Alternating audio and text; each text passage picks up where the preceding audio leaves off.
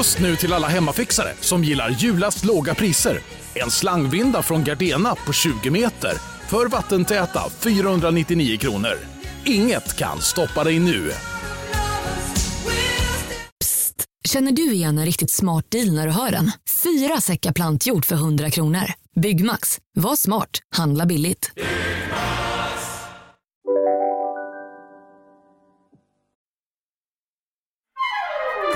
Du lyssnar på en podd från Perfect Day. Blir det en till säsong av Mästerkocken? Ja det blir det. Eh, ja, det blir ju ingenting påskrivet klart liksom, men det ska det bli liksom. Hoppas jag. Fan vad du blåste mig när du... Med vem som vann. Ja, ja Men det. Ja, det var ju kul som fan ju. Ja. Alltså jag hade verkligen... Jag, jag, jag skrev till Tom om... ja, Vad hette han? Jimmy? Ja, precis, ja. Om Jimmy Mm, vinner då Jimmy. kommer jag säga upp våran bekantskap. För jag älskar Adam så mycket. Ja. Och då sa Tom, vad kul så länge det varade. Ja, det är bra. Och så bara kände jag hur livet rann ur mig. Men sen så var det inte så, du blåste mig. Ja, precis. fan, det var ja. Det var snyggt. Ja, det var tack för kul. Vi ska ha Adam eh, som gäst här också. Ja, ja, roligt. Ja, Ja, Vi tänkte prata om honom, om hans den här dillkötträtten som han gjorde i något avsnitt kanske i början på finalerna. Ja. Kommer du ihåg den? Ja. Var den bra? ja, det var bra. Absolut. Men jag tycker det är kul att man gör om eh, Ja. just en sån rätt. Ja. Ja, jag är jävligt sugen på det. Mm. Men vi säger väl hej och välkomna till den här veckans avsnitt av Recepttack med mig Niklas Niemi och eh, dig Jerka Johansson. Ja. Och idag har vi en gäst. Och det är celebert besök. Det är Tom Sjöstedt som sitter här. Han är både, kanske i rangordningen, tror jag kanske, kock, krögare, tv-profil. Ja. Skulle, skulle du säga själv att det är i de, den ordningen du kategoriserar dig själv som? Eh, ja, som jag säger, kock är ju först och främst, Ja. absolut. Ja, det blir ju så. Ja, ja men bra. Då Ja. hade jag rätt där. Ja. Det kändes rätt. Bra påläst. Eh, jag vet inte om det var så påläst men det var i alla fall en känsla jag hade. Men tv-grejerna har du gjort, det är Mästerkocken. Har du varit med i, i, i Kockarnas kamp? Gud ja. Nej, det har inte varit. Nej, Du har inte nej. varit det? Nej, nej, Du har, nej. måste ha varit frågan varje år. Jo, absolut. Men jag pallar inte det. Ja, det går inte. Varför inte då? Nej, men jag har inte den uh, skillsen för att klara det där. Jag blir så för stressad. Jag svettas och jag skulle skära av mig fingret det första jag gör liksom. Sen är det akuten, tack och hej. Du, du kände det alltså? Ja, jag känner det. Jag klarar inte av sådana saker. Så här, eh, du vet, komma upp eh, och du ställer en lada och ska göra någonting som du inte vet om. Jag får panik. Ja, du har Jag klarar inte av någonting. Nej, okej. Alltså ställer du en fråga till mig som jag knappt vet om så kan jag knappt svara. Jag blir så stressad. Aha. Så att jag känner så här, det där får andra göra helt Ja. enkelt. Men då, då, de är på det varje år såklart? Frågan. Ja, nu har de börjat sluta lite grann. Ja. Ja, men de frågar lite grann om du Ja. inte är sugen nu och hitta en konstellation man kan trivas med. Ja, För jag skulle ju vilja göra, jag önskar att jag var en sån person som bara kastar mig in i det här och bara kör för det blir otroligt roligt säkert. Mm. Middagar, alltså träffa nya kollegor, dricka massa vin. Kanske ja. det liksom är mest sugen på, att bara vara borta. Skåne. Ja, Skåne. Ja, Extremt vackert. hög mysfaktor. Men Ja. alltså det där programmet, alltså det, det är ju en, jag tycker det är en dröm vara med tycker jag. Alltså Ja. på ett sätt. För att det Har du känns fått frågan? ju... Ja, nej, det har jag inte fått. Vi kanske skulle kunna, vi nej, kanske, vi men kanske jag skulle kunna tycker ju jobba att in det det. där har ju liksom, alltså det har liksom gått varvet runt på något vis. Att liksom att det, det har nästan blivit att man ska vara med nu i det där som alla kockar har varit med i det. Och att nästan, det finns ju nästan prestige va? Att vinna det nu.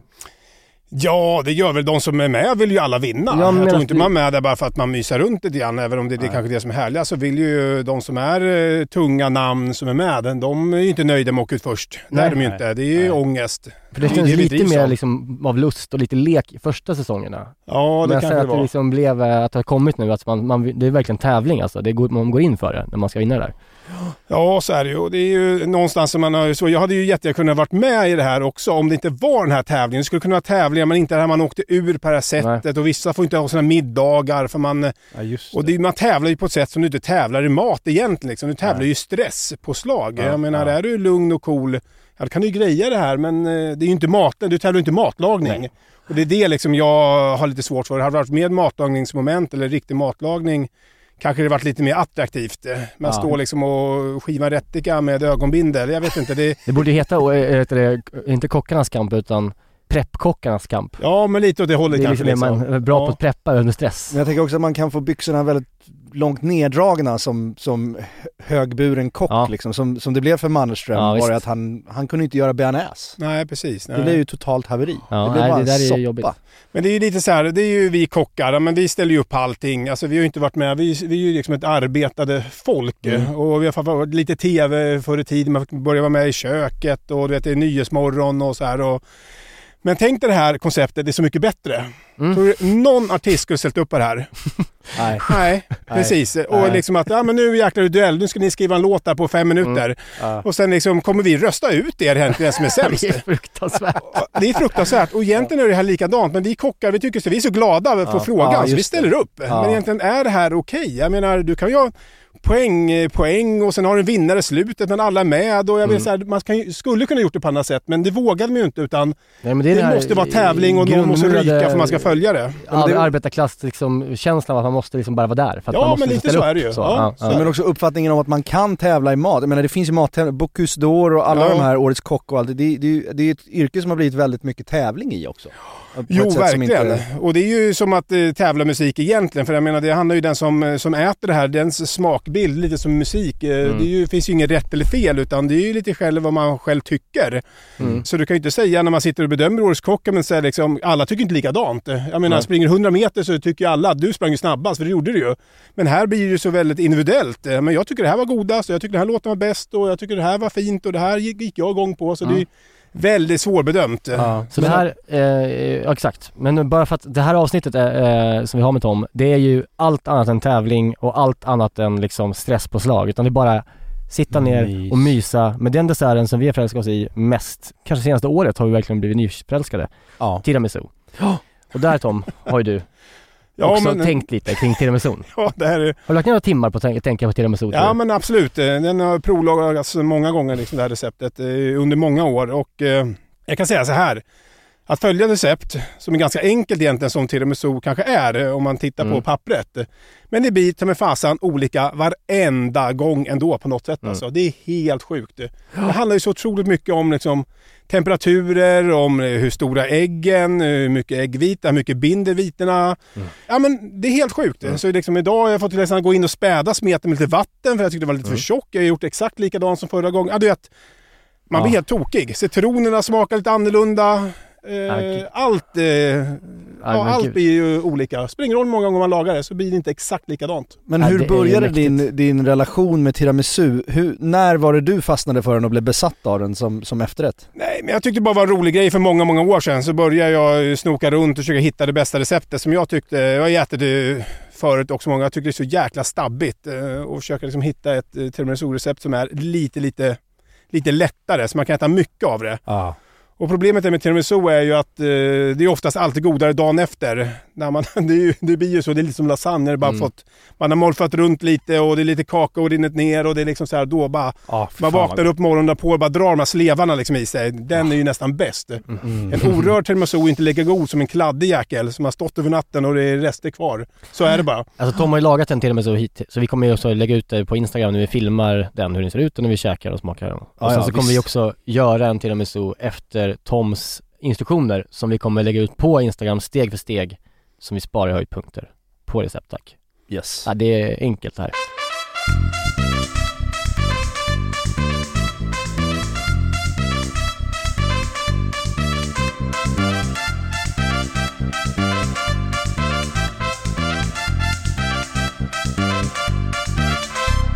Vi är den här veckan sponsrad av Bosch och framförallt köksmaskinen serie 6. Serie 6, maskinen som kommer få både dig och mig, och, eller redan har fått både dig och mig att börja baka mycket mer än vad vi redan gör. Och detta gör vi då med hjälp av Bosch eh, serie 6. En av anledningarna till att den är så jävla bra är ju också att den har, den har en unik 3D-rörelse som ser till att degen arbetas ordentligt och att alla ingredienser fångas upp i botten av skålen. Den har också sensordrivna program som gör att maskinen känner av till exempel när degen är färdigt, har knådats tillräckligt. Och den stannar då när degen är perfekt knådad. Vi kommer ju släppa ett extra avsnitt eh, snart eh, där vi har en gäst. Mm. Seina Mortada. Ja, så jävla Seinas härlig. Kitchen. Så jävla härlig kvinna. Älskar henne. Seina är ju en mästare på brödbakning. Och hon använder ju själv serie 6, så man förstår ju ändå att det är bra grejer där. Ja, den är också så här rejäl, stadig. Den kan alltså bearbeta upp till 3,5 kilo deg i den här 5,5 liters skålen. Så du kan göra ordentliga degar i den här. Integrerad timer, våg. Att den har en inbyggd Ja. våg. Så du behöver inte hålla på och måtta upp med decilitermått eller någonting. Du kan hälla på tills du ser att det är rätt mängd gram. Ja, och, och inte bara att den har en och två vågar till och med. Det är både den som är i själva skålen och så har du upp på själva armen där själva kroken sitter i, så finns det liksom ytterligare en våg. Det- Något som tyder på ett väldigt stor, stor maskinslugn är ju att man kan få prova på hemma 100 dagar med fri returrätt. Ja. 100 dagar! Jag har ju länge drömt om att bli mer som min mamma. Min, min mamma, när vi är på landet, då bakar hon ju bröd varje kväll. Vi är 12 pers där, då bakar hon frukostbröd till alla som är färskt på Ja. dagen efter. Jag vill ju föra det här vidare. Där är ju Bosch serie 6, det är lösningen för att den är så enkel att använda. Bosch serie 6 finns att köpa hos Power. Och där kan man även läsa mer om själva köksmaskinen. Vi tackar Bosch. Vi tackar Bosch, Dankeschön. vi tackar Bosch och vi påminner också om att det snart kommer ett specialavsnitt med Bosch och Zeina. Danke. Dankeschön. Vi är den här veckan sponsrade av 7up Zero Sugar. Yes, den här underbara läsken med citron och limesmak som du ju också då finns i 7up Zero Sugar. Det är ju ändå en väldigt bra måltidsdryck. Ja, men alltså det är ju det. För att om, om man tänker på det, det fräscha och lätta och det svalkande. Det är citron och det limeiga. Upplyftande citron och lime, förstår du? Alltså Ja. det, det är klart att det, det, nästan, jag tror faktiskt inte det finns någonting egentligen som, som blir sämre, alltså mat, av att dricka 7-Up. Nej. Förstår du vad jag menar? Alltså Nej. så här, den smaken är så pass liksom ren och clean och liksom svalkande och allt det där. Mm. Du fattar? Jag tänker nu, nu närmar sig valborg här. Det ska, det ska ändå komma lite värme. Att liksom bara Mm. Hälla upp en 7-Up med is och citron i ett kallt glas i trädgården. Mm. Och kanske grilla så här, kyckling Mm. på rotisserie. Har du gjort det någon gång? Nej, men det, det kanske är något som faktiskt eh, den här, jag kommer börja med i sommar. Med en fräsch syrlig sallad, Exakt. lite primörer och sen ett uppfriskande glas 7-Up Zero Sugar.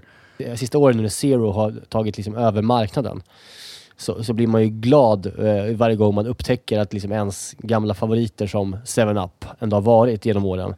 Jag bara, ja, det är klart att det finns i Zero också. Den här smaken är verkligen, alltså jag kopplar den starkt till sommaren och sommaren står Ja. framför oss. Så det är bara att langa in lite 7-Up i kylen eh, och eh, ta dig an sommaren på ett värdigt sätt. Vi hälsar sommaren välkommen och knäpper en 7-Up Zero Sugar. Lyssna bara på det här ljudet. Vi är den här veckan sponsrade av Pilsner Urquell, våra vänner på Pilsner Urquell. Ja, de har blivit som en fast punkt för oss ju. Eh, Jag framförallt dricker kanske mer Urquell än vad du gör. Men därför är jag extra glad och liksom kunna presentera att under våren så lanserar Pilsner Urquell kortburk på Systembolaget. En Den lilla 33. 33an. Och den är kall hela vägen igenom och så vidare. Det är en av de fina grejerna med Urquell. Det är också så att på, om, man, om man går på ett Urquell-hak då har de Mm. ofta en certifierad tapster. Eh, som liksom Exakt. upprätthåller kvaliteten på varje öl som serveras. Eh, de går ju då fyra dagars utbildning på bryggeriet i Pilsen. Där de får detaljerad kunskap om pilsner urquell och hur man hanterar det. Jag har ju gått den här kursen. Jag är ju, I'm somewhat Exakt. of a connoisseur. Eh, man ska väl skölja glaset innan va? Ja. Och hälla då ölen sen i, i mitten av ja, skumkronan. I så mitten av glaset så att det bildas en Ja, skumkrona exakt.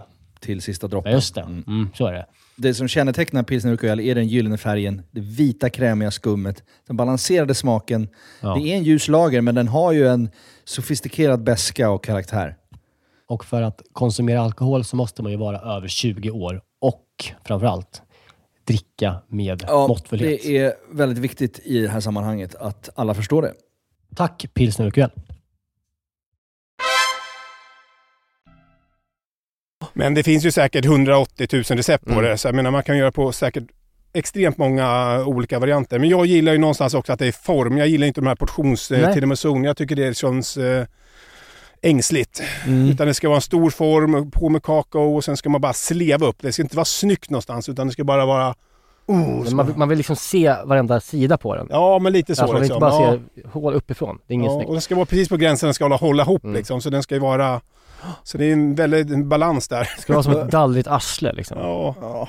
I slow motion. Sen då är det ju my- mycket mascarpone i, så den ska ändå vara krämig. Det måste ju ändå vara krämig. För Ja. det var inte för, för nytt det heller. Nej. För Nej, du nej, vill nej, inte gå nej, ner i nej. vikt nu detta. Nu vill Nej, jag ändå för känna helvete. liksom att ja, men nu ska jag kanske ut och röra på mig imorgon, lite så. Men innan vi går in på exakt hur man går tillväga för att göra den här efterrätten rättvisa och göra den efter liksom alla konstens regler så ska vi göra en klassisk numera faktaruta med Tom Viktigt. om mat som vi alltid gör på den. Yes. Jingel.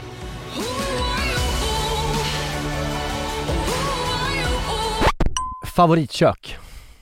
Favoritkök? Eh, Nej men jag eh, får väl ändå dra det asiatiska köket eh, på något sätt. Mm. Eh, Lagar inte så mycket men jag tycker ändå det är härligt. Mm. Favoritlök? Eh, vitlök. Vi har sagt att det är en krydda den podden. Vad sa du? Vi, ser Ja. att, vi har sagt, sagt att det är en Man får inte krydda i säga den här podden. vitlök, Ja, varför inte det? för det är en krydda. Okej. Tänk- Eh, bestämmer favoritlök? Eh, nej men då kör jag eh, gul lök. Gul Ja. lök. Ja, det är klassiskt, det är bra. Favoritfulkrydda? Rosmarin, torkad rosmarin. Mm. Älskar det. Alltså, okej. Eh, Du har hellre det på om du till exempel eh, gör en stek till exempel? Nej men det kan vara bara så att man rostar klyftpotatis hemma har Mm. på liksom torkad rosmarin. Jag tycker det blir svingott. Ja. Alltså, ja, det, det är Mm. någonting med torkad rosmarin som jag gillar. Jag Mm. gillar ju kanske färsk mer men i vissa fall så, så funkar Ja, torkad organ gillar jag också. Det kan ju vara helt fantastiskt. Nu vart det Mm. många dock men Mm. just där i grytor och man gör någonting, liksom in med torkad organ och lite köttfärssåsen.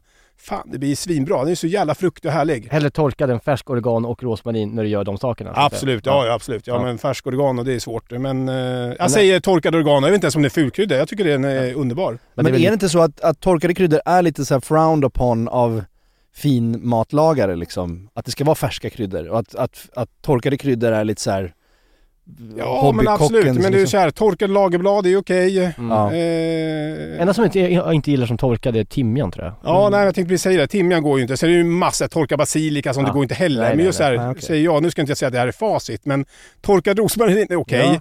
Oregano Intressant. torkad Ja, okej. Ja, sen har vi ju lagerblad, det finns säkert massa också. Ja, men vad känner ni inför, för att det är en grej som jag har börjat, och du, nu kommer ni kanske fnysa åt mig, men Ja. jag är ju så jävla, nu, man, man, allt det här med tre ungar och man försöker laga mat och grejer och det, det tar tid och jag är så jävla trött på att eh, skala vitlök. Ja. Man står där och fipplar och det liksom går långsamt och man vill bara i grejerna och då har jag börjat köra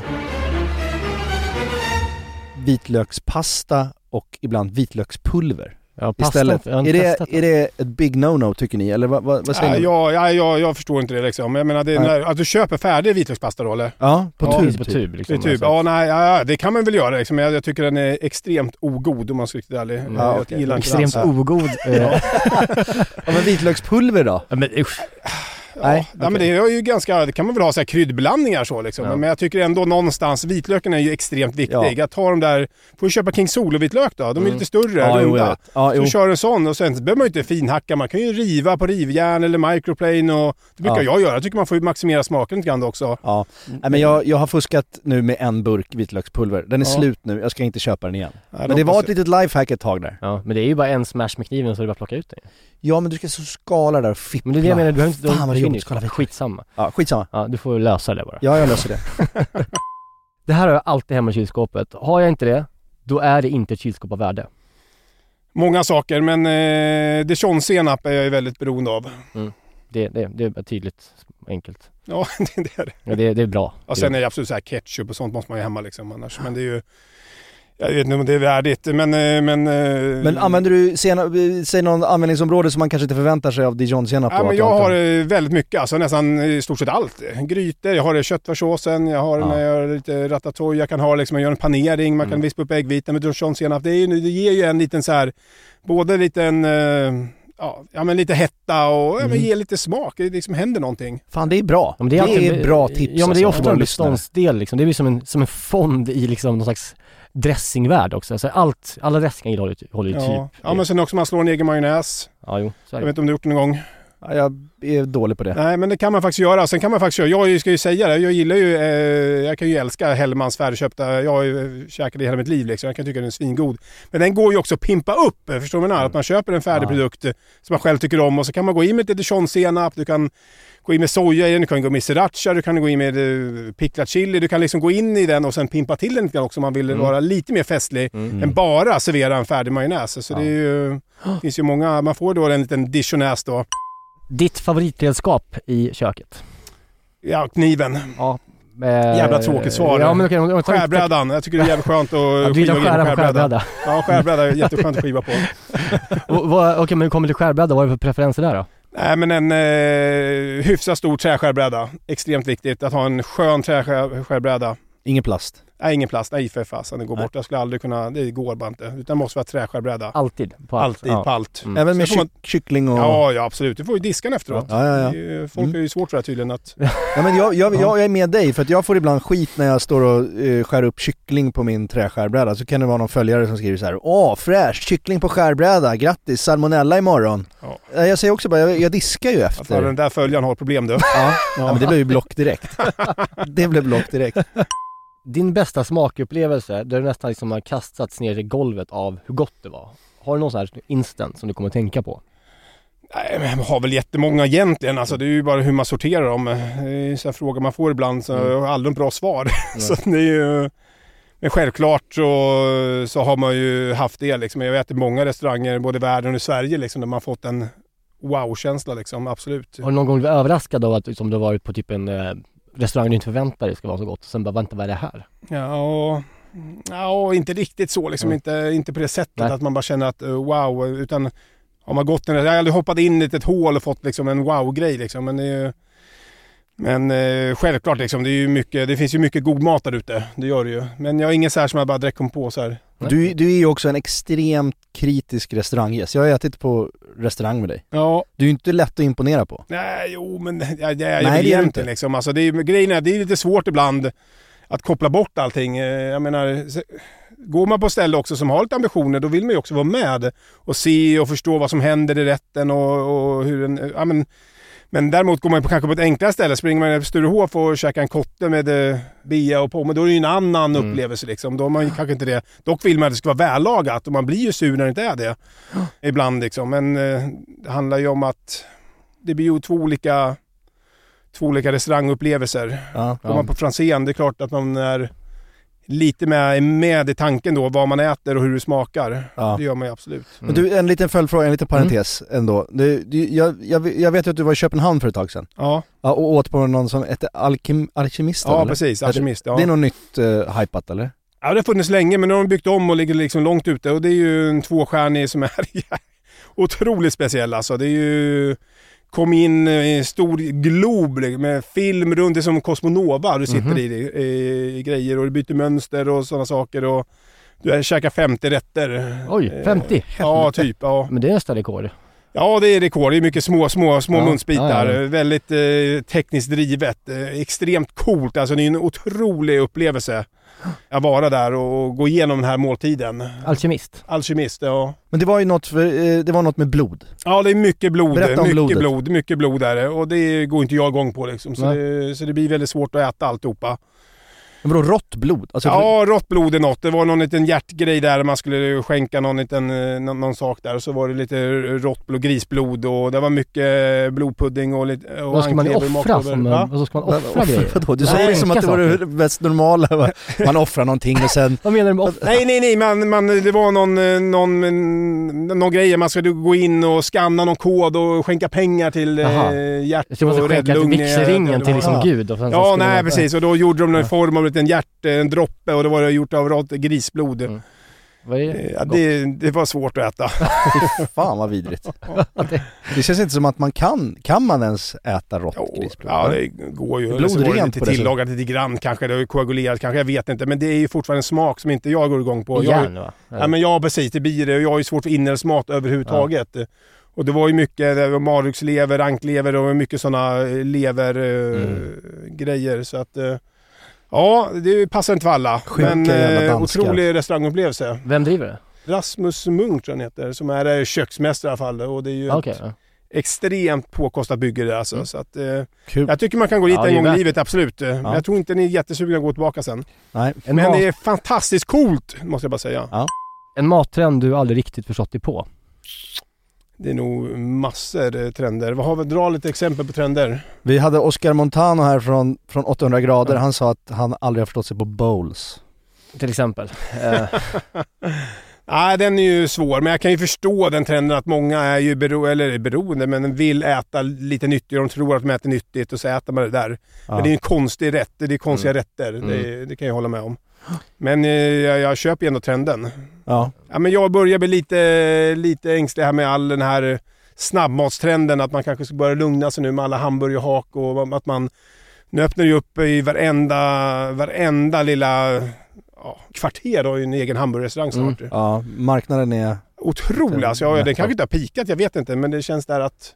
Det var jättekul när det kom Mm. och, och man gör det och så. Men, men nu får man ju lugna sig lite. Men jag hörde att, jag hörde att just det där med hamburgergrejen, att det, det är Anledningen till att det är så lätt och det öppnar så många är att det är världens lättaste grej att göra och kränga och preppa och bara sälja. Jo, att jag det är vet, så men jävla köttet, lätt. vad, vad, det borde ju ta slut snart kanske. Jag kan inte Ja. förstå hur man får tag på allt kött. Det är Nej. helt otroligt alltså. Ja, ja, Det är ju imponerande. Nej, det, det ska öppna något bredvid mig nu som, Ute i Enskede? ja ute i Enskede, de, de ska ha hamburgerbar hela sommaren. Mm. Och det är, de kommer ha så mycket folk så att det inte är klokt. Och han bara, det är bara Värmdö-kossor. Eh, och då tänkte jag så här, hur många kossor kan finnas på Värmdö för att täcka en hel jävla sommar med 200 pers om dagen? Ja. Alltså det, det, Ja. det måste finnas extremt mycket kor på Värmdö. Ja, Ja. det är stort Värmdö. Ja, ja, ja uppenbarligen alltså. Ja, men det, jag- det låter ju helt bisarrt. Ja, men det på- med, som en Baster Burgers kör ju så här Norrlandskött och Mm. jag menar, ja, det är klart det finns mycket. Norrland är stort. Ja. Men, eh, ja, men det är ju hela, alltså, man ska äta lite mindre kött, det är köttbrist, man måste Ja, det är konstigt och att de kommer samtidigt. Den trenden och eh, vegetarisk Ja, trend. ja, alltså, det är en precis, märklig grej att det händer. Ja. Kanske motreaktion. Vad stör du dig på orimligt mycket när du är gäst på en restaurang? Någon små, finns någon liten detalj? Ja, liksom? men det, är- det absolut. Det är ju när eh, servicen är för långsam. Då blir det lite, ja. Ja, men det, det är ju det här. Jag gillar ju, och det har jag ju applicerat på min egen krog, det här att när man sätter sig att man måste komma direkt. eh, Hälsa välkomna, ja, men kolla om man eh, vill ha fördrink, eh, eh, Eller någonting i alla fall, att man har någonting i glasen. Eh, Det tror jag, tycker jag är extremt eh, viktigt. Mm. Och när man går och sätter sig på en restaurang, ja, viktigt att bli sedd självklart, att någon säger hej, men att det där kommer direkt. Att man att den servicen är, att man är rapp i den servicen, det tycker jag är faktiskt väldigt viktigt. Att, det, att man inte sitter där och bara... Den inledande servicen. Ja, den liksom, inledande servicen är viktig. ja. Och sen går ju, sen är det ju olika. Vissa gäster kräver mycket service, vissa inget. Och vissa är väldigt, gäster är väldigt enkla. Man, Mm. ja, vi tar en flaska vin, vi käkar det här, pang. Och sen kanske man inte behöver så mycket mer service. Men, men just det här inledande, Mm. att det bara pang, nu Mm. är vi igång. Vi är här, välkomna, vi har någonting i glasen, vi har fått menyer och vi... Ja, då, då, då är jag klar liksom. Sen behöver jag inte mycket mer service under kvällen. Men det är det här Nej. som är det viktiga kan Ja, man vill inte sitta torr där första tio minuterna. Nej, men det vill man inte vänta. göra. Och även Nej. om man bara vill ha vatten så tycker jag man ska få in det direkt också. Eller, det handlar inte om att man behöver liksom, champagne eller öl, eller bara att man får in någonting att nu är vi igång liksom. Mm. Ja, Ja. ja. men det är bra. Det där var bra svar tycker jag. Håller med. En råvara som du tycker får för lite cred? Ja, men jag gillar ju grönsaker och så. Jag brukar alltid säga rotselleri i det här fallet. Jag Mm. tycker rotselleri är otroligt gott. Så jag säger rotselleri. Mm. Eller också kan man faktiskt säga lök. Det är också en råvara som alltid får spela lite biroll. eh, Som också är ändå otrolig användning. Alltså älskar rostad lök. Man kan använda mer lök till tillbehör. Mm. Det är alltid så att det är potatis i den biten. Men alltså fan, förstår bara rosta lökar. Ja. Lite torkad rosmarin.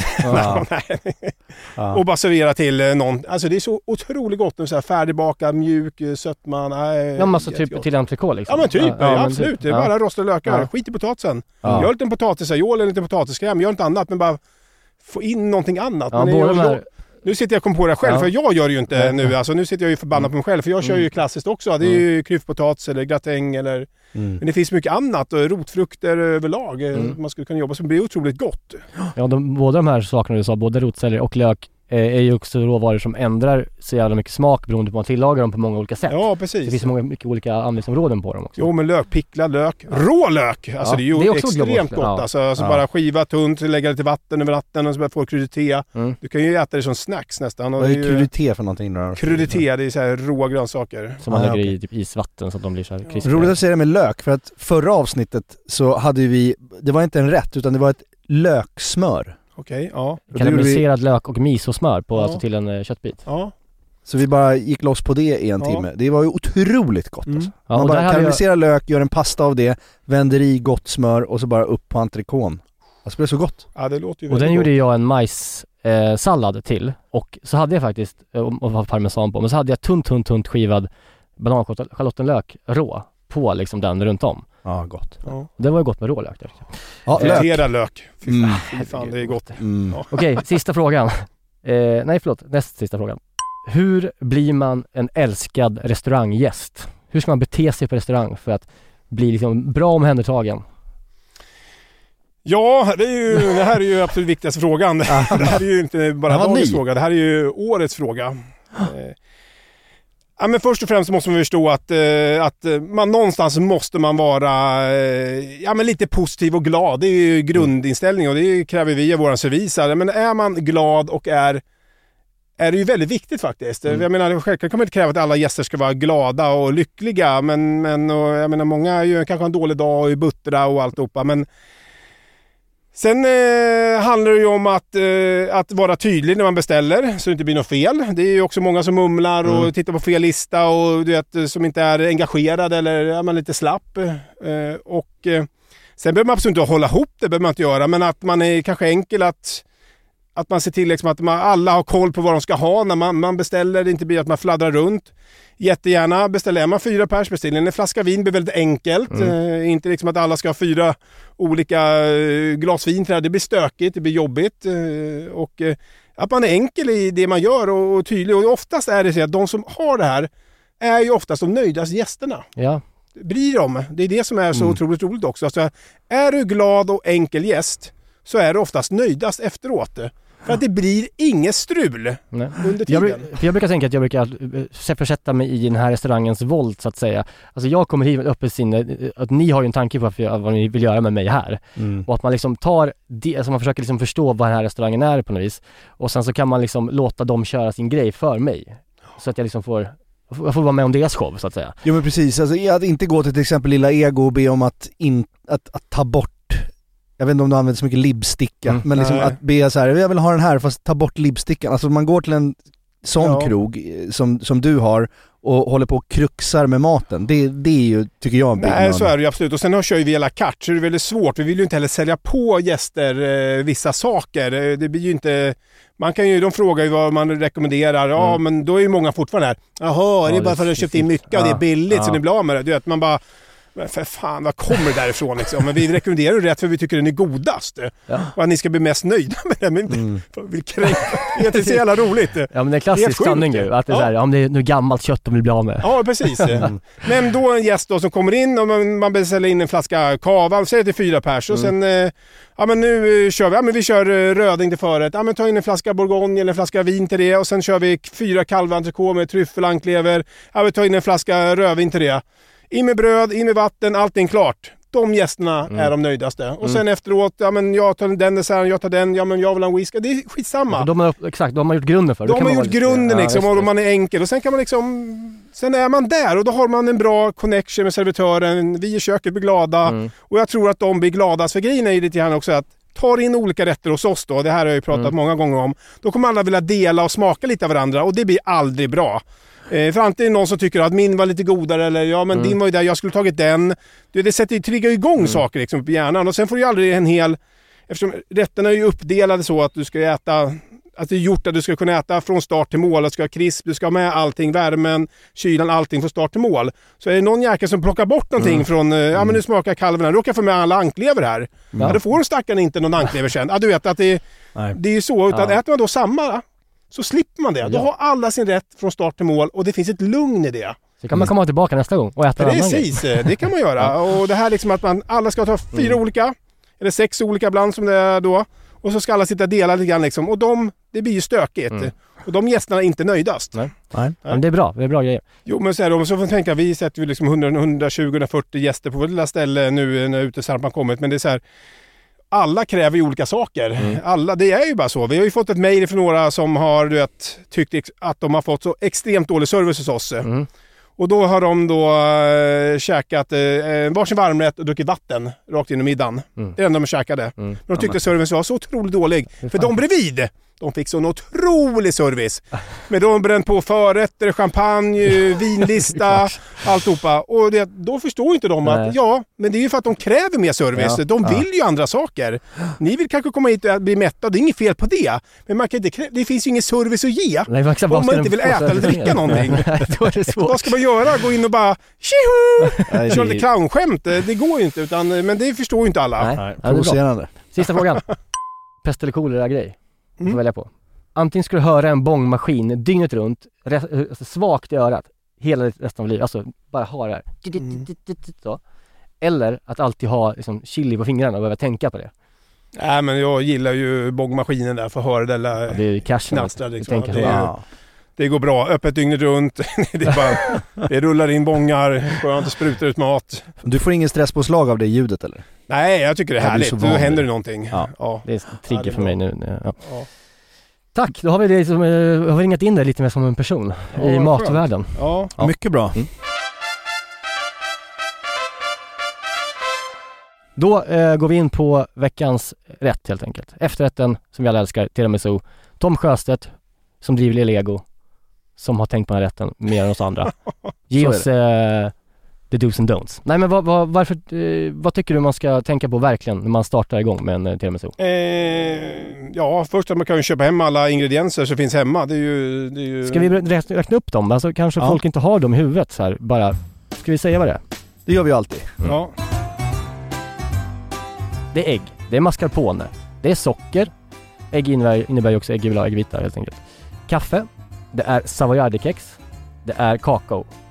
Kanske lite vanilj om man vill. Eh, ingen vanilj här. Dock Nej. har jag fem eh, små citronskal som jag låter lägga, ligga i smeten i eh, exakt 15 minuter. Mm. För att sen Oj. plocka bort.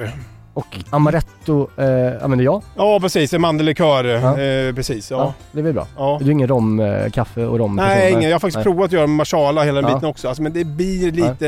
Ja, men det blir inte lika, lika, lika fartigt. Jag håller med. Det blir lite... Det är väl verkligen olika skolor också. Ja. Ja, det Ja. är det. ja, men jag har provat. Jag har faktiskt Ja. gett en chans Ja. om jag ska riktigt ärlig. Ja. Jag har eh, suttit och... Vi gjorde det på jobbet faktiskt en gång. Körde en riktig med mandellikör och en med masala. Men det var ju... Den där är ju vinnaren direkt alla dagar i veckan. Mm. Okej, Så de med Mm. masala, de, de tiramisun kan man ju bara plocka bort. okej. Underbart. Eller ja, alla får göra som de vill självklart. Men... Ska vi ta en liten eh, paus och bara ta en, en, en sked eh, så vi kommer i stämning innan vi börjar gå in på hur vi gör? Ja, då kan vi göra, men då måste ju Tom eh, pudra hela skiten. Ja, ja. Ja. Men vi sätter på lite pausmusik här. Ja. Nu pudrar vi. Mm.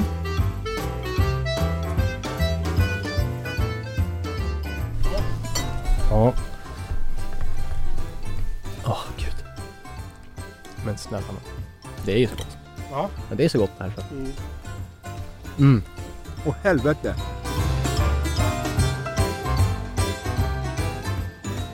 Ja, nej, men det händer saker varje gång. Jävligt intressant det här. Jag älskar... Mm. Jag ska vi prata om det kanske. Ja, bra. Då har vi smakat. Mm. Och eh, ja, givetvis. Helt jävla otroligt. Vad eh, tycker du själv? Eh, nej men jag tycker den har varit eh, väldigt bra. Jag menar också vad jag kände nu. Jag tror den skulle bli ännu bättre imorgon. För jag tror den här sista kaffegrejen skulle sugit upp då. Men det är ganska roligt eh, för att jag brukar vara stenhård med att lägga i eh, Savoyardkexen kanske en, två sekunder. Mm. Eh, max, för jag tycker det räcker. Mm. Jag kanske körde någon sekund extra då, för jag vet jag var lite stressad. Så jag la ner tre, fyra stycken samtidigt i kaffet. Och det kommer jag aldrig göra igen. Det är ganska kul. Mm, det Eh, så Man ska doppa en i taget nu. Och det Men- blir det här att du får någon droppe kaffe till. Det är jättegott.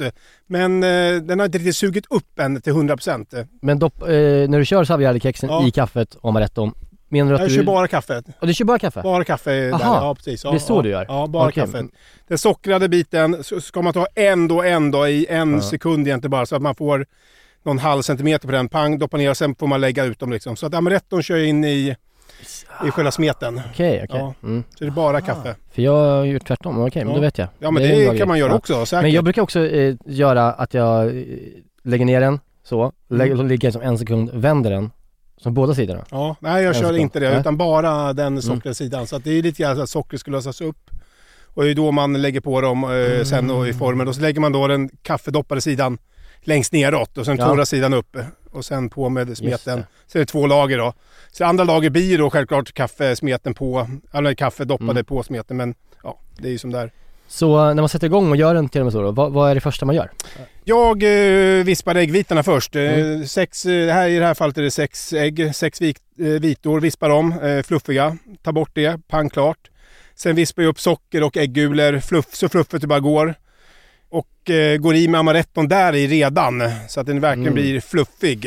Ja, för det annars till blir att få fluff på, på äggsmeten ja. Nej det räcker inte. Det, är ju, det räcker med sex äggulor och två och ett halvt deciliter socker det Mm. här. Så att det blir ju, sockret släpper inte riktigt bara om så Så att i med lite amaretto där i. Mm. Sen då eh, vispar i mascarpone så den släpper. Sen går i då, tar jag en citron som jag tvättar ordentligt. Sen drar jag med en liten potatisskalare, fem små skivor. Lägger ner dem i en kvart och sen eh, plockar jag ut dem efter en kvart. Och sen då blandar jag ihop det här med äggvita. Mm. Och sen är det bara Montera ihop montera ihop. Liksom. Men då som sagt, och sen är det bara, eh, och kaffet då? Temperaturen på kaffet? Eh, vill du ha det kallt? Helt? Ja, kallt? tjuvskallt. Helt kallt. Absolut, Ja. jättekallt. Bryggis? Ja, i det här fallet var det bara det bryggkaffe. Man kan säkert hitta ett ännu bättre kaffe om man vill det, men jag tycker inte det... Jag gillar ju fulkaffe så jag har inget problem att... eh, Och du kan säkert ty- trycka in ännu mer kaffesmak i det, men jag tycker ändå att det är ganska helt okej. Förlåt jag missade lite bara med citronen. Alltså citronen, citronskalen Ja, lägger du i... i smeten. I smeten? I smeten. Ja, okej. Fem, uh, zest, alltså fem eh, skalbitar då. När den är ihopblandad med äggvitan och Ja, äggsmeten? nej inte med äggvitan. Nej, Förlåt. okej. nej precis, bra. Nu reder vi ut det här. Det här är bara smeten. När det är då äggulor, socker, amaretto och mascarpone. Ja. Då är den ju hyfsad. eh, Och där där det gäller. det. Där får den inte bli för hård och det får inte bli för lös. Så att, eh, men där går i med citronskalen. Får de ligga där Mm. och bara Mm. kosa lite. Mm. Och de, de, de släpper ifrån sig till hela massan Ja, men liksom. lite, lite, lite grann. Jag har gjort det Ja. utan. Alltså, jag tyckte det är någonting. Det passar väldigt bra ihop med eh, mandellikören där. Att få den här. Har du testat någon gång, jag bara tänker i huvudet nu, om, om man skulle lägga i de här citronskalen i lite så här varmt, eh, liksom, varm sockerlag Ja. i, tio, i eh, fem minuter, lyfta Ja. ur dem och sen lyfta i dem. Skulle det funka kanske? Det skulle säkert funka, absolut. Och jag vet när vi körde i Benjamins där, då hade ju rivit i citronskal. Och det, det är också en grej som också, ibland får man säga liksom, nu testar jag det här. Ja. jag Mm. gillar det här och även om man är nöjd med någonting, så vill man bara prova. Och det vart inte bra. Det, då tar citronen över direkt, då ligger den kvar. Eh, och det är extremt bort, eh, viktigt att få bort den här citronen. Det får inte vara för mycket citron. För det är det. inte okej tycker inte jag. Nej. Det blir inte lika gott. Nej. För du, inte vill ha, du vill inte ha syran utan vill ju bara ha den lilla, lilla piggheten. Fresh. Mm. Fresh. Ta lite till bara. Jävla god! Ja, man känner citronen precis lagom. Du gör det eller? Ja. Ja, det är Alltså den blir inte... Den blir heller... Den ska ju inte finnas egentligen. Den ska ju bara blir- vara där som... eh, Den ska ju inte, ska inte smaka egentligen. Du sa ju till mig när jag gjorde min misslyckade tomatsås, Benjamins. Då stod jag där och liksom kämpade med den där och hade i, pressade i citron bara så här på Ja. känn. Och då var ju du så här, du, du kan inte bara pressa i citron, du, du vet inte hur söt citronen är, hur sur den är, vilken, vad är det för citron? Du, det var liksom inte tillräckligt specifikt att jobba med citron på det sättet. Nej, inte tomatsås i alla fall. Alltså, det har jag aldrig gjort någonsin och det förstår jag inte varför man gör. Men, men eh, det går ju tydligen. Jag var full! Det smakar ju något annat. Vad fan gör du? Jag håller på att mixa den här. Du hittar ingen mindre mixer eller? Jag, jag, jag, jag förstår mig inte på de här grejerna. Hur hamnar vi här? Jag tror jag skulle komma hit och bli bjuden på mat. Nej. Så, så, plötsligt står jag och lagar turkisk frukost. Jag vet inte hur de här grejerna fungerar. Ja, men du hade också i liksom... Full och nervös. Ja, du det också, Härligt. ja. Ja. men du förstår, kockarnas kamp. Det är så man blir där. Ja. Ja. Det är lite så. Man, eh, jag levde under en extrem stress den här inspelningsdagen också. Så jag menar, Ja. du var inte ensam. Nej. De veganska blomkålsbollar, jag kan ju fortfarande vakna upp och få mardrömmar över det. Så det är, det är så lite terapi det här också. Att sitta här och prata ut. Men okej, eh, ska vi säga, fallgropar då? Du var inne på smeten och fluffigheten. Ja. Eh, en annan eh, fallgrop som finns eh, som man kanske gör som nybörjare när man börjar med den här desserten. Det är att man kanske inte vispar äggvitan eh, tillräckligt länge. Mm. Eh, Att man får in lite gula i den, det är väldigt lätt och då blir den inte riktigt fluffig. Att man inte slår ut mascarponen ordentligt, att det är fortfarande små uh, mas- mascarponebitar kvar. Sen ska det inte vara så mycket eh, sådär. men alltså så här, doppa kexet jättesnabbt i kaffet. Mm. Eh, Det tror jag är absolut viktigt, så det inte blir för blött. Sen finns det ju vissa som eh, kör in den i frysen, alltså Ja. den ska vara halvfryst eh, och så. Hur, hur tänker du kring eh, när, man ska, när man ska laga den och när man ska äta den? Ja. Ja, jag gör den alltid dagen innan. Dagen innan? Alltid, alltid. Jag skulle aldrig göra den samma dag. Nej, okej. Dagen innan. Det tycker jag är det bästa. Och det är ganska skönt också för då vet man att desserten är klar. Det är ju bara att planera. Mm. Och det går säkert att äta den eh, samma dag också om man gjort den tre, fyra timmar. Men just att den stått över natten Och den här skulle ju kunna stå en natt till och bli ännu bättre. Så Mm. det här är faktiskt en dessert som, som funkar att laga på dagar innan utan problem. Det är ju ganska skönt. Jag gillar ju sådana desserter som man kan Speciellt hemmamiddagar där man vill planera. Man vill inte stå med desserten samma dag gästerna kommer utan in med det... Du kör kylen bara. Ja, kylen dagen Mm. innan. Så det...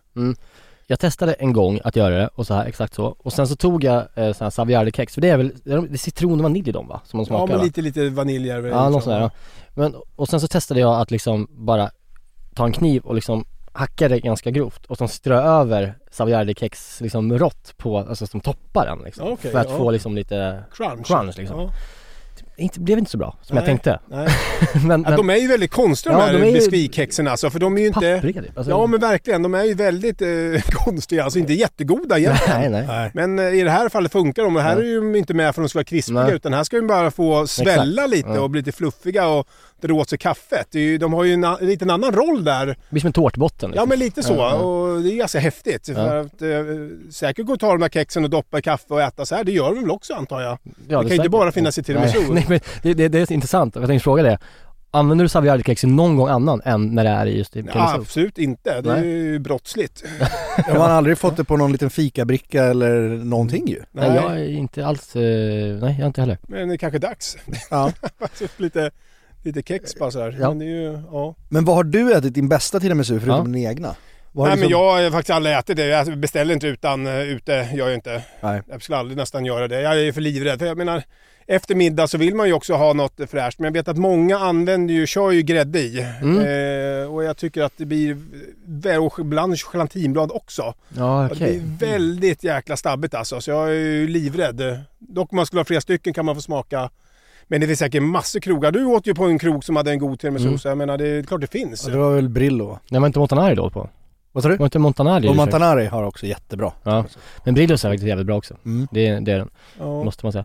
Jag gillar ju att köpa sån här ful, alltså så här på Ica. Alltså så här glas. Tiramisu? Alltså de här, alltså du vet färdiga. Glenn. Strömbergs Glenn. Strömbergs. Nej, det finns de. Ja, men alltså på riktigt, de är goda. Ja men jag tror De det. gör jag, jobbet, jag, jag jag, lovar. liksom, absolut, jag har inte provat det bara. nej, nej, nej. Men det som skiljer, jag tror att många gör ju också, alla gör ju inte det här, men att man skiljer också att man vispar äggvitorna och det är det som gör att det får lite fluffigare. Och många gör ju inte det. Nej, för det- Eh, Blandar ihop det så, utan då får det mer stabbigare. Mm. Ja, jag tycker det är verkligen tillvägagångssättet. har jag- Av de gångerna, kanske sju gånger jag har gjort det, Ja. så, så är det vispad äggvita som är grejen. Har du koll på var, var den kommer ifrån till och med så? Nej, det har jag faktiskt inte. Nej. Jag har ingen järnkoll. Men Den kommer- vi fick ju lära oss lite grann här eh, när vi, jag och Jerka och Benjamins där att det fanns ju, varenda by hade ju ett eget recept och en egen likör hade i. Mm. Eh, nej men den, det, vi, läste, vi har ju haft den fast med följetong i den här podden egentligen, vi pratade om tiramisu och sen så dog ju han, skaparen, förra året. Ja just det, så var det ju. Ja precis. Eh, han heter ju då Ado Campiol. Och sen så blev det där liksom att Svenska Dagbladet, någon journalist på Svenska Dagbladet började gräva i det där. Var Ja. kommer den ifrån egentligen? Och då är det liksom det var en annan som har skapat den här grejen. Ja. Det är inte han egentligen tydligen. Men det är fortfarande från det här Veneto, eller Veneto, som ligger uppe i högra hörnet på Italien, upp mot slovenska gränsen där uppe. Det är där den kommer ifrån, det är oavsett, alla recept härstammar därifrån. Och sen så är det någon krig nu, alltså diplomatiskt krig mellan de här två städerna i Veneto, Treviso och en annan stad. Så finns det då en lokalpolitiker i, där, där Ado Campiol kommer ifrån, som verkligen benar, han verkligen naglar sig fast med idén att den kommer från det här, vår stad. Så finns det massor be- bevis på att den kommer inte från det. Och det har liksom blivit så pass mycket så att han har försökt varumärkesskydda eh, tiramisun till den staden. Aha. Och han det är hans största hjärtefråga. Den här, den här, och han är en sån här högerpolitiker, de här Lega Nord. Och han värnar om traditioner och så här. Men han får inte till det. Och det är liksom ett stort haveri i, i kommunfullmäktige där. Att de har tappat Tiramisu-kriget. tiramisun. Ja, fan det gillar man ju alltså. Ja. Man gillar det. Det skulle man ju göra en serie på alltså. Ja, exakt. Det är till verkligen. Netflix. Ja men exakt, och Succé. göra liksom blodigt. Ja, precis. Ja. Är man ju sugen på att åka dit. Det är kanske dit man ska nästa Ja. matresa ska gå. Ja, Kan åka, man, ju- ja. testa olika. Vad är den bästa? Men det är väl så, att de, det är massa så, i- mycket så i Italien att Mm. man ska hävda en Ja. rätt liksom. Ja. Samma sak som med carbonara, att det är Mm. väl eh, Rom liksom. Att Ja. Det, kan, ba- man kan bara äta äkta carbonara i Rom typ. Ja. Och napoletansk pizza finns i den här Ja, stiftelsen visst. med gubbar med slipsar som Ja. sitter och liksom Det är vackert på något vis. mäter. Ta det på allvar. Ja det, Det det är det är ju väldigt Ja. charmigt på ett Ja. sätt. Alltså, sen Ja. kan man ju tycka att det blir, eh, att de går för långt eh, också. För jag menar, Ja, de är, blir väldigt speciellt. Man får, just det här att det blir så mycket regler runt mat, det har jag Mm. väldigt svårt för. Mm. Jag har ju fått kritik, det är italienare här som bor i Stockholm eller bor i Sverige här som har ringat, eh, inte mordhotat men ringt och tyckt att jag är en jävla idiot som har rivit eh, parmesan på en fiskpasta. Ja, okej. Du vet, Mm. du bara sitter och skrattar åt Men vad fan, jag vet, man bara, men vad är det för fel på er? Ja. Blir det gott så blir det gott, Ja. men skit i det. Alltså, alltså skaldjur och tomatsås och lite riven parmesan, det är väl hur gott som helst. Ja, vad Ja, är Men det det får man inte göra! är det? Man får inte inte, få- det säger de. Man får inte ha parmesan på en vongole till exempel. Nej. Det, det skulle man ju bli skjuten Men det, det är ju för. speciellt att det är just italienare, för fransmännen är inte lika protective Nej, kring sin nej. mat som italienarna är. Fast de är lika traditionstunga så att säga, så är det faktiskt Men det där med parmesan och skaldjur är intressant för att det, det, då, då menar man att den är salt i sig, den behöver inte parmesan eller? Man dödar kanske, tar bort eh, den ursprungliga smaken då. Musslor kan jag ju förstå dock, för det är ju med så här, men, eh, ja, men du har en, en god tomatsås med basilika och tomater, så har du havskräftor Mm. eller räkor och sen kan du bara dra det, river lite parmesan på en eh, god pasta med lite smör och alltihopa. Ja. Ja. men det, det hjälper ju bara till kan jag Ja. Och där blir det väldigt konstigt att man då är dum i huvudet. Mm. Det handlar inte om döda utan det handlar om att förhöja. Men Jag alltså, skulle ändå det, vilja göra någon sån här jackass-grej att gå på typ Montanari Ja, och och, bara testa beställa in en vongole och sen Ja. bara så här, kan jag få parmesan till det? Kan ni hälla på lite parmesan? Och se bara hur de studsar på ja, det. ja, det är. Ja. Det är intressant. Och sen bara står man och river. Frågan bara när de är klara sen, du ge mig parmesan, så står man och river. Så man får den här du vet, högen på.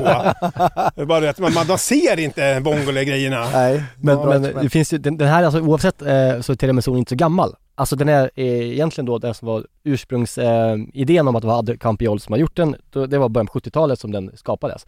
Sen så visas det någon gång på 50-talet. Men så finns det några då som hävdar att det finns en redan på 1800-talet. Och då var det bordellmammor i, Italien som serverade eh, en liknande dessert. Det var inte exakt samma, eh, men typ den här desserten som de kallar för tiramisu också. För det betyder ju pick me up, typ, tiramisu. Mhm. Och eftersom deras bordellkunder hade liksom gjort sitt, Mhm. så för att de skulle orka gå hem och vara fäder, så fick de en tiramisu för att liksom, en pick me up, när de var lite trötta efter Ja, för det egentligen betyder det pigga upp va? Ja, exakt. Ja, precis. Ja. Ja. Så att, eh, så att det där finns ju också en, en historia där. Så det, det är ju... eh, Mörkt. Eh, inte ljust. Så. Det, jag, plötsligt blev det inte lika gott känner jag. Ja. men det är lika bra att man tar en bit till så man orkar gå härifrån sen. Ja, verkligen.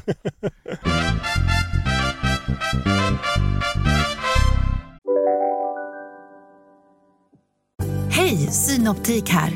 Visste du att solens UV-strålar kan vara skadliga och åldra dina ögon i förtid? Kom in till oss så hjälper vi dig att hitta rätt solglasögon som skyddar dina ögon. Välkommen till Synoptik. Just nu till alla hemmafixare som gillar julast låga priser.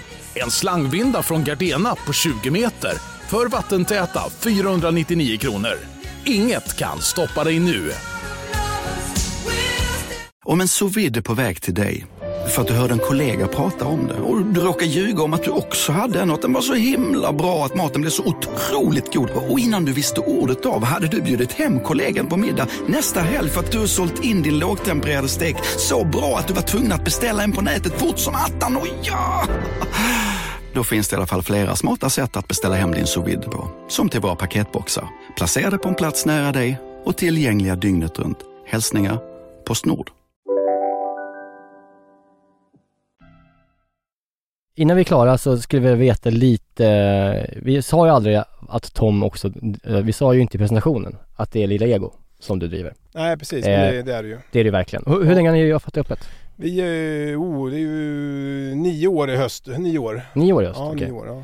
Ja. Eh, och eh, vad skulle du säga är liksom det som, som gör att du tycker det är kul att driva Lilla Ego? Nej, men alltså det som är kul och som är alltid roligt är att det fortfarande är en ganska eh, skitig och down look. Alltså hela konceptet är ju fulkvarterskrog. Det är det vi eh, alltid har velat och det är ganska skönt att ha den mentaliteten att det behöver inte vara det finaste, snyggaste, nyaste utan det, det, är, lite, det är lite jävligt och man Mm. behöver inte tänka på allt det andra att det måste vara fint och hela den biten. Men sen är fokusen självklart på, på maten och dryck och hela där runt omkring som är det viktiga. Inte liksom hur lokalen ser ut eller eller eh, hur menyerna ser ut och så, utan enkelheten i allt vi gör. Jag menar, det är ju, vi skriver ut egna menyer från skrivaren och då kan man ändra när vinet tar slut och Mm. istället för många andra finare krogar där man står liksom och stryker med tuschpennor eller, Ja, eller kommer fram, ja men jag vill ha en Rioja, nej den är tyvärr slut. Man bara, vad fan kan du inte ändra det? Ja. Det, är så, jä- det är ändå många Ja. Ja, krogar ja, som jobbar så, som är jättebra. För de har tryckt upp dyra menyer. Precis, för det blir för dyrt. Inte, Ja. du vet, maskeringstejp över. Vi kör maskeringstejp också, ja, men det är ju för att laga dörrar och ja, men silvertejp och för laga saker. Det är ju så här helt oviktigt. Ja. Sådana där, det här, jag tycker sådana saker är viktigt. Det ser liksom ganska härligt ut att det som finns ska finnas. Ja. Maten får aldrig ta slut på kvällarna. Det spelar ingen roll. Vi kan aldrig komma och säga att den här rätten tar slut nu klockan 21.30. Aldrig i livet, utan det ska finnas Mm. To the bitter end. Hur kompenserar man det då? För att det är som så här, lär man sig, hur ofta, hur ofta byter meny till exempel? Ja, men inte så ofta. Det blir ju väldigt säsongsbetonat. Ja. Alltså våren blir mycket och sen blir det hösten. Hösten och vintern gnider ihop i varandra. Och... Så man lär sig rätt snabbt hur mycket av en rätt som går? Ja, det vet man. Man försöker alltid hitta en storsäljare som Ja. säljer lite mer, både förrättsmässigt och varmmässigt. Så vet man att den här går i alla fall kanske då en tredjedel av Mm. allt. Eh, Då vet man att man säljer alltid runt 40-50 av den här. Då kan man ju hitta det, då vet man ungefär. Och ni är också en restaurang som eh, i alla år egentligen har haft fullt varje kväll. Man bokar väl liksom en gång i månaden så släpper ni bord. Ja, precis. Och Så då att blir det fullt. Då blir det lättare också att räkna kanske på eh, hur mycket, då, då är det svårt att maten tar slut då menar jag. Ja, nej precis. Och det, jag menar, det är fullt tisdag till lördag. Vi Ja. har ungefär lika mycket gäster. eh, Ja. Så att det är ju ja, väldigt enkelt. Eh, Alla vet om det. Kockarna blir nervösa. Det är fullt ikväll. Det är alltid fullt. Mm. Många krogar ska- kan ju vara 20 bokade en tisdag, sen Ja. är det 100 på lördagen. Det blir väldigt, väldigt jobbigt att jobba så. Ja, då är det så svårt vi har ju att väldigt veta. flyt i det att, eh, att vi har fullt hela tiden. Enkelt att jobba. Vilken, vilken rätt eh, har hängt kvar längst? Vilken är vilken, vilken skulle du säga är din signaturdish som har varit kvar längst? Ja, men vi har ju, drog, när vi drog igång där så hade vi en löjromsservering eh, med råraka från plättlagg där vi Ja, har den lite salt och vi kör lite löjrom med spritspåsar. Så får man assiette med gräddfil. Den har varit med från början och Mm. den är fortfarande kvar. Den är så jag jävla bra också. bort. Ja. Och det är ju det som är skönt med den rätten, att det är ju ingen egentligen gastronomi utan det är bara ett trevligt sätt att Välkomna. äta råraka på. Ja men Som du sa, välkomnande. det här med att eh, man kommer in direkt och får en välkomnande känsla. Ja precis och, ja, men- och det är också för två personer man delar. Det är ganska Ja. trevligt och, och det, så finns ju den också. Vi, har inga, vi började när vi drog igång krogen, då började vi med snacks. Vi hade snacks i en dag, sen plockade vi bort det. Mhm. För det tog ju bort lite grann från förrätt när man Mm. tog snacks istället. Man tänkte, fan vi vill Mm. inte sälja snacks. Nej. Vi vill äta förrätt, varm dessert. Så snacksen åkte ju direkt. Och den här löjromsserveringen då är ju perfekt. Du kan ju vara fyra stycken, fem stycken och vi tar in bara en. Mm. Man får en råraka, man får lite löjrom och man får lite gräddfil och så, har man, så får man lite snacks av den. Mm. Och vissa drar in det som förrätt. Vissa tar in en dubbel som varmrätt. Eh, Alltså den är ju väldigt... Det finns ingen prestige eh, i den rätten och Nej. därför har den fått hänga kvar. Alla andra rätter som originalrätter som vi ändå arbetar och jobbar med ska ju bara finnas ett tag. Sen försvinner den, Mm. kommer aldrig mer upp. Men den här är ju väldigt enkel. Och vi har en dessert också, en bakad vaniljkräm med, med eh, macadamianötter och jesusskum. Det är också en sån dessert som det inte finns någon prestige i, som är väldigt enkel. Som också kommer Ja, en gång om året, eh, när vi kör ute serveringen, då kommer den. Så är den en halvår på menyn och så kommer den nästa då, vår igen. Ingen prestige, utan det bara är en enkel rätt som ändå har någonting lite extra. Den, var ju, den är ju otrolig, man hörde knappt att du sa getostskum, du Ja, pratade väldigt precis, snabbt, ja. du sa jesusskum lät som du sa. Jesusskum, Men ja, det är ju getostskum i en efterrätt. Ja. Har du käkat den? Nej. Nej. Den är Så det är otrolig. ju bakad vaniljkräm, iskall, karamelliserat socker, salta macadamia, varmt getoskum. Mm. Så du får ju varmt kallt, du får knäcken, du får saltet, du får sötman, vaniljen. Ja men den är eh, speciell. Alla gillar den inte dock ska jag säga, bara så, man, så du vet om det. Så du, Men, eh, 95% är den godaste desserten de äter sitt liv, 5% kan inte ens äta det för de kräks. Okej. Så att det är typ alltså, mer nästan bokstavligt. Hur eh, står du i eh, liksom eh, service? Ja precis, jag har stor service. Du är ja, alltid det? Ja, ja Ja alltid. okej. Ja. Men och när du tar fram nya rätter, är du då, har du en kökschef eller har du liksom... Nej, nej, nej, nej, det är ju en själv som håller på. Det är så? Ja, Ja, absolut. Ja, ja. Vi, vi har ju, det är jag och Daniel sen, eh, vi alternerar Daniel Rems alltid, jobbar, Ja. Daniel Rems, ja precis. Alternerar, jobbar dagtid eller kvällar. Mm. Och eh, alltid någon på plats i stort sett. Nu försöker vi släppa lite så här på helgerna ibland, att vi inte är där på lördagar Mm. kanske liksom, för att man får någon, något Mm. slags liv också. Mm. Sen har vi två souschefer Mm. som går om varandra och jobbar dag och kväll då. Så Mm. att, eh, ja, sen när jag jobbar kväll då, då står jag i, i köket och kör service, lägger och kör luckan och ibland hinner man inte ens gå ut och Nej, bland nej. gästerna liksom, man står och kör så hårt. Så Känner att eh, kanske gäster förväntar sig att du går ut ibland? Ja, ibland. Men Ja. vi, går ju, vi går ju ut oftast mycket med maten och så. Ja. Och jag känner så här, jag är ju ingen den här som man bara wow, gå ut och prata. Jag är väldigt... Jag är inte en sån person som bara går ut och chattar om saker och ting. Utan men vill folk någonting, då det är ju ett öppet kök. Då vet de, då är jag där. Och vill någon ta en, säga någonting, eller man ska skriva en bok eller ta en bild, ja men då löser jag det. Då Mm. gör jag alltid det, självklart. Men det är ju väldigt så här, bara gå ut och bara jaha, utan det gör jag inte så här. Men är det, är det du, Daniel och era två storchefer som eh, tar fram eh, menyerna eller är det du och Ja, Daniel? men jag främst, eller? eh, först och främst tar först? fram menyerna liksom, som och så försöker tänka Ja. runt eh, vad, vad, vad vi ska laga. Och det är ganska enkelt, då får man ju också lite grepp om vad som funkar och så. Mm. Sen börjar vi provlaga och kommer fram med lite nya idéer och, och så och testar. Och, och sen bara komma på något nytt och så kör man det och så här. Så det, Mm. Jag försöker ha den första grundtanken i vad vi Ja. ska, vad vi ska eh, laga. Du har aldrig känt eh, sug efter att hålla på och jaga stjärnor och sånt där? Nej, det är väl sånt som kommer upp också hela tiden. Men eh, hade vi, det är som jag alltid brukar säga, folk tror att vi är bittra att vi inte får någon stjärna. Men jag har ju sagt så här hela tiden. Jag kan ju tycka Gidden är konstig, det kan jag tycka. Men Mm. Eh, det handlar inte om våra målsättningar utan hade vi velat öppna en stjärnkrog, då hade vi gjort det. Eller alltså försökt på riktigt. Då hade det varit en fin krog Mm. med eh, kanske vita dukar eller eh, vackert och inte så trångt mellan borden. Och, Dyra menyer med men, ja, tejp. precis, dyra menyer, en annan lokal. Avsmakningsmeny måste du ha. Då hade vi gjort det. Mm. Men folk tror ju att vi har försökt få stjärna på det här. Men det vet vi att det går inte. Så jag menar...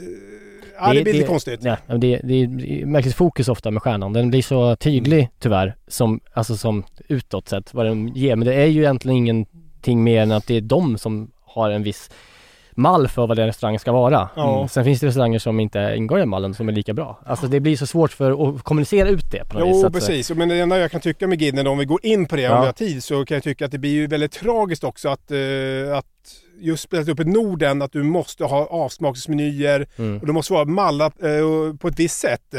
För du, då blir det att alla kockar som ska öppna krog och ha lite prestige, de måste ju ha avsmakningsmenyer för att få stjärnan. Mm. De måste ha det på ett visst sätt. Och då blir det väldigt tråkigt. För jag menar, eh, det hade ju varit coolare om också vanliga kvarterskrogar skulle kunna få stjärna i Norden som de kan få i London och New York. Då skulle det betyda att de här kockarna skulle kunna öppna kvarterskrogar eller fina kvarterskrogar som varit med à la carte och skulle vara kunna extremt roliga att gå Just på. det, och då skaffar man en matkultur i stan också. Precis, som liksom, är det skulle bra höja liksom, Ja. själva liksom, matkulturen. Det skulle höja de här... Alltså, allt skulle höjas. Mm. Du skulle kunna gå ut och äta på ett annat sätt och äta ännu bättre mat på vanliga restauranger. Mm. Men nu måste man då satsa liksom, på avsmaksmenyer och det måste vara svindyrt och det måste vara i vissa lokaler för att få den här stjärnan. Och det tycker jag är, Det är skittråkigt. Finns det någon diskussion varför det är så? Vet du? Nej, Gidden är ju svinhemliga. De följer ju inte ens sina egna regler liksom. För en stjärna Nej. ska alla kunna få. Oavsett eh, hur lokalen ser ut. För allting handlar ju bara om maten. Bara maten, maten, maten är ju det som Mm. får en stjärna. Och bara det är ju väldigt eh, gammelmodigt. För jag menar servicen då eller vad, alltså det är helt... Men det, i deras stadgar så är det bara maten. Det är det enda Mm. som betyder Mm. någonting. Men två stjärnor är annorlunda väl? Ja, egentligen är också det bara maten. Och tre stjärnor är också bara maten. Så har du besticken. Det är ju Ja. något annat. Precis. Då har du bestick också. Ja. Då är det ju matsal, servis, eh, Mm. vinkällare, hela den biten. Men alla vet ju att, liksom, att det inte bara är maten utan det är ju helheten i restaurangupplevelsen. För det är så, o- så jag var med om en sån här, de kom och gjorde ett återbesök eh, på en restaurang jag jobbade på. De hade en stjärna i restaurangen, de skulle då kanske gå på två, eller jag vet inte vad de ville. Jo det ville de. Ja. Men då hade de synpunkter på skalknivarna, alltså i köket. Att det var IKEA-skalknivar som låg i en låda. Alltså så här, det var en, en, en synpunkt på restaurangen. Ja, det är det är sjukaste. inte det, jag hört. märkligt? Ja, det är det sjukaste. Ja, det har jag hört så mycket olika stories om den här gidden om vad de Ja.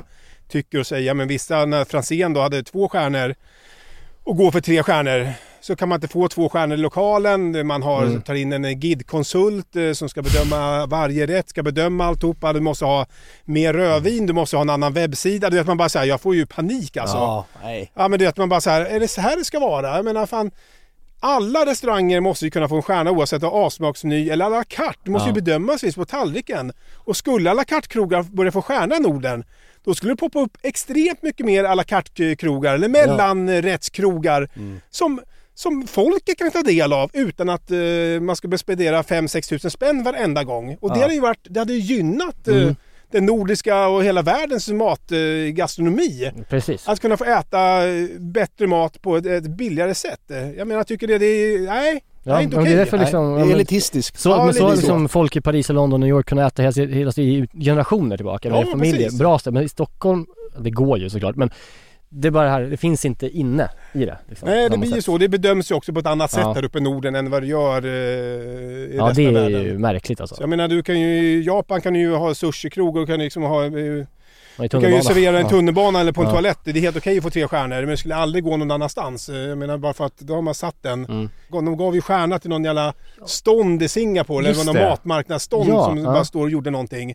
Och då blir det så här och då tyckte alla, gud vad coolt! Ett litet eh, gatustånd kan få en stjärna. PR-trick från det sidan. Ett PR-trick. Om nu ett gatustånd kan få stjärna då i Singapore, då ska ju alla gatustånd i hela världen Ja. testas. Ja. För du kan ju inte bara känna så här, ja men är det här okej att få en stjärna? Men den där eh, då foodtrucken ska också kunna få stjärna då egentligen här ute. Då måste du åka och testa den. I hela världen. Eller i alla, i alla fall i alla länder som har Guide Michelin. Men det, nej jag, Det, jag inte prata det, är ingen, det, är liksom ingen, det är liksom ingen slump att det är just Singapore den har. Alltså det, det känns som ett, det är väldigt sånt, eh, det är väl ganska stjärntätt i Singapore. Så. Ja, det är- Jag menar, det är så väl mycket möjligt, Ja, ja. de känns som, de, de är där mycket. Jag menar, Ja. det finns, okej, här i Singapore finns det där. Det är ju Sveriges ren, äh, världens renaste plats. Ja, det Gatukök är inte rent. Det är nog fuffens med det där. Ja. ja men det är klart det är det. Men, men nu ska vi inte gråta. Jag, Nej. men du blir ju, Nej. ja, det var inte mer vi skulle prata om det här men jag går Ja, men igång det är på det. intressant Liksom, och jag för vill det är- också, att det också finns GID, som du säger, GID-konsulter. Ja, alltså det som då är jobb, experter liksom. på vad GID, GID Michelins, Michelin ser. ja, Och så går de in och konsultar mot restauranger som söker kro, krogar. Eller söker stjärnor. ja, ja precis. Ja. Men då är det ganska gamla eh, GID-personer som tar, som, som säger att jag var, jobbade med det här. Ja, ja det kan det Eh, vara absolut. säkert. Liksom, oavsett. Men sen också med Franzén, jag tyckte det var svinhärligt på Jag bryr mig inte om de, de har en eller två eller tre stjärnor liksom. Jag tyckte det var fantastiskt på Lilla Nygatan när de körde sin, eh, sin grej liksom. Mm. Och nu också tre stjärnor här. Nu fick de ju sina tre stjärnor Mm. men jag hade ju gått dit och tyckt det var lika bra även om det var två stjärnor. Ja, Men jag förstår väl det också för det är så här, ju, får du en stjärna, då vill du ha två.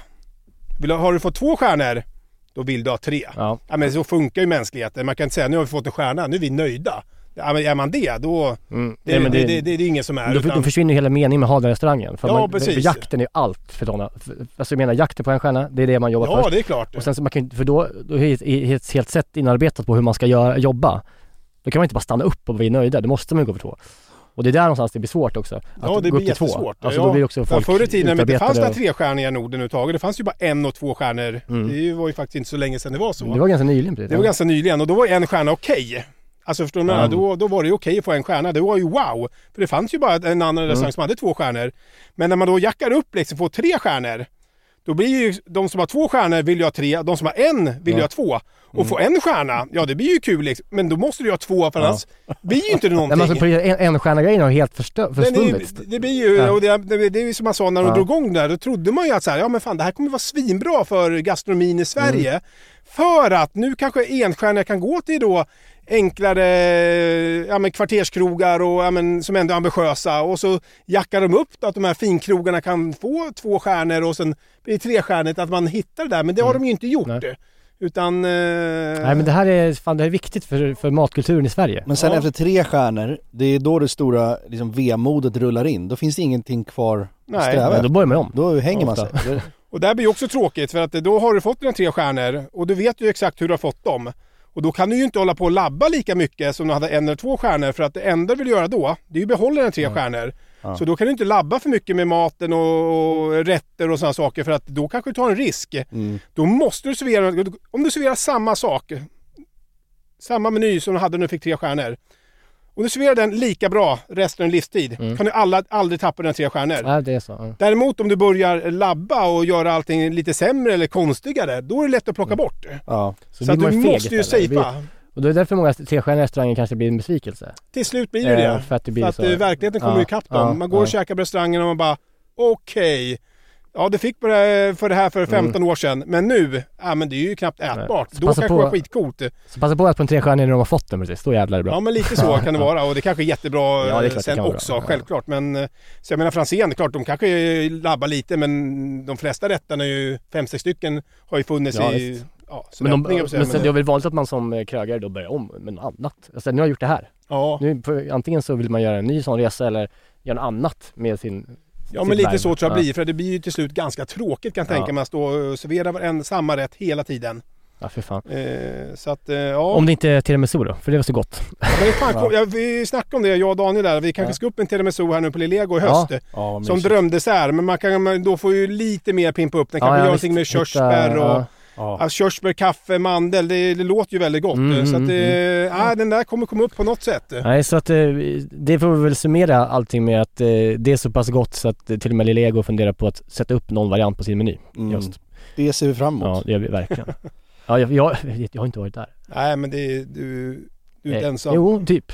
Ja, ja, du, är väldigt- ensam. Ja. Varje gång jag Vi- säger det så vi går folk, dit. Ja, Ja, varje gång jag säger det är folk irriterade på mig. Vi löser Ja, det. Ja, Ja, ja. vi måste gå dit Niklas. Tom, eh, tack så otroligt mycket för att du kunde komma hit och gästa oss. Superkul Och fan vad bjussigt att du gjorde Mm. en, stod och gjorde en tiramisu Igår, alltså vad i fan. förrgår till och med. Stod och vispade ägg när vi smsade. Det är Ja. bjussigt av dig. Ja, men det är Du har mycket roligt. att göra. Ja, jag vet. Ja, men ändå gör du det här. Det är- Ja, men vad gör man inte? Ibland måste man ju Det är otroligt visa lite tacksamma. välvilja också. ja, men det var, det var jättehärligt. Ja. Underbart hörni, tack för att ni har lyssnat och eh, ät så mycket tiramisu ni kan och eh, skit i deff och sånt i sommar. Ja, ja. ja absolut. Puss hej! Tack, hej!